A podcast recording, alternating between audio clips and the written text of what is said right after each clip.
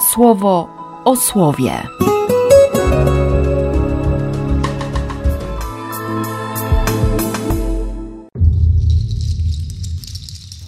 5 listopada, piątek. Z listu do Rzymian. Co do Was, moi bracia, to również ja jestem przekonany, że i Wy sami jesteście pełni dobroci, nasyceni całą wiedzą i zdolni także wzajemnie się upominać. A trochę śmielej Wam napisałem, aby jeszcze raz Wam przypomnieć, korzystając z łaski danej mi przez Boga, po to, abym wśród pogan był sługą Chrystusa Jezusa, sprawującym świętą czynność głoszenia Ewangelii, aby poganie stali się ofiarą przyjemną, uświęconą przez Ducha Świętego. Te zatem działania na rzecz Boga uważam za podstawę do dumy tylko dzięki Chrystusowi Jezusowi. Nie ośmielę się bowiem wspominać o niczym niż o tym, co dla osiągnięcia posłuszeństwa pogan Chrystus zdziałał przeze mnie słowem i czynem, mocą znaków i cudów, mocą Ducha Bożego. Także od Jeruzalem i dalej kołem aż do Ilirii mogłem spełniać dzieło głoszenia Ewangelii Chrystusa. A taką miałem ambicję, by głosić Ewangelię nie tam, gdzie już wymówione było imię Chrystusa, aby nie budować na cudzym fundamencie, lecz tak, jak jest napisane, dostrzegą go ci, którym o nim nie opowiedziano, i dowiedzą się ci, którzy nie słyszeli. Z Ewangelii według świętego Łukasza. Mówił również do uczniów: Był pewien bogaty człowiek. Miał rządcę, którego oskarżono przed nim, że trwoni jego dobra. Wezwał go zatem i rzekł mu: Cóż to słyszę o tobie? Rozlicz się ze swojego zarządu, bo już nie będziesz mógł być rządcą. Rządca zaczął się zastanawiać, co mam zrobić, skoro mój pan odbiera mi zarząd. Do kopania ziemi nie mam sił, żebrać się wstydzę. A, już wiem, co zrobić, żeby po odsunięciu mnie od zarządu przyjęto mnie do swoich domów. I zaczął pojedynczo przywoływać każdego z dłużników swojego pana. Pytał pierwszego, ile jesteś winien mojemu panu? On odpowiedział, sto baryłek oliwy. Rzekł mu, weź swój rachunek, siadaj tu zaraz i napisz pięćdziesiąt. Potem drugiego zapytał, a ty ile jesteś winien? On odpowiedział, sto korców pszenicy.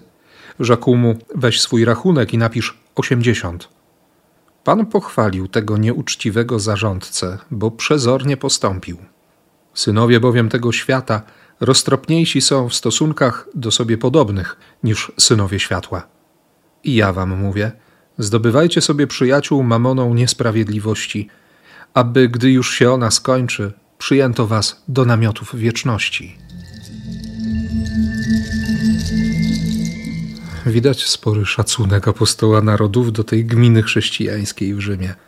Jestem przekonany, że i wy sami jesteście pełni dobroci. Jesteście nasyceni całą wiedzą. Zdolni także wzajemnie się upominać. Nie? Jesteście prawdziwi. Zresztą te kilka wcześniejszych wersetów od początku 15 rozdziału. Powinniśmy znosić słabości niemocnych, a nie sobie dogadzać, bo przecież Chrystus taki jest. Przygarniajcie jedni drugich. Chrystus was przygarnął ku chwale Boga. Oby Bóg tej nadziei napełnił was pełną radością i pokojem w wierze, abyście bogaci byli w nadzieję dzięki mocy Ducha Świętego. Troska o Kościół, który go nie zna i którego Paweł nie zna osobiście, ale on wie, że tę miłość do Kościoła daje mu Jezus. Mnie to dzisiaj bardzo, bardzo mocno sprawdza i, i jest pytaniem nie, o moją miłość do Kościoła. Tak, takiego Kościoła, tego Kościoła. Kościoła Chrystusa, skorośmy w jednym duchu zostali ochrzczeni. I bez względu na te rozmaite ambicje, nie chore ambicje, bo tutaj chodzi o słuchanie Boga, o czytanie Jego pragnień, o, o rozumienie Jego słowa. Ta ambicja nie pozwala usiedzieć w miejscu, tylko naprawdę pociąga, popycha, prowadzi. Prowadzi do łaski, prowadzi do, do odkrywania błogosławieństwa, do bycia świadkiem i dla siebie, i dla innych. To jest to konkretne pytanie, z którym dzisiaj musi się zmierzyć rządca z opowieści Jezusa. Bo jestem tym, który trwoni dobra. To jest opowieść o każdym z nas, o tobie i o mnie. Bogaty człowiek? Nie. Bóg bogaty w miłosierdzie daje nam łaskę, a my ją ciągle trwonimy. Rozlicz się. I wtedy pojawia się ten dylemat. Czy zrezygnować z zabezpieczeń, które ma się w głowie i zaryzykować? Czy, no właśnie, jaka przyszłość? To ile jesteś winien? Dzielę się z Tobą miłosierdziem. Cały ten skandal miłosierdzia z 15 rozdziału tutaj ma swój finał. Dzielę się miłosierdziem. Potrafię odpuścić, potrafię wypuścić to, co tak uporczywie trzyma mnie w jakimś szachu, albo zwyczajnie nie pozwala rozprostować rąk, wyprostować, wyciągnąć rąk ku Bogu i, i powiedzieć: Tato, chcę kochać. Z jednej strony mam rozbiegane myśli dzisiaj, a z drugiej jestem bardzo, bardzo mocno skupiony na miłosierdziu. Może przez ten pierwszy piątek, ale, a może przez spowiedzi, które, które będą jeszcze i w których mam zaświadczyć o miłosierdziu. A może po prostu chodzi o to, żebym uwierzył, przyjął, przekonał się i samemu pokazywał, że wszystko otrzymałem nie po to, żeby mnie zniewalało, ale żeby służyło nawet budowaniu relacji, a może przede wszystkim budowaniu relacji i z Bogiem, i z ludźmi. I pieniądze, i internety, i, i wszystko inne.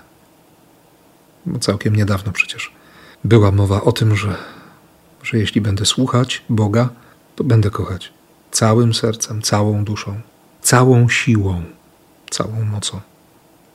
I takiego podejścia i spojrzenia też Ci życzę. I, a jakże, błogosławię w imię Ojca i Syna i Ducha Świętego. Amen. Słowo o słowie.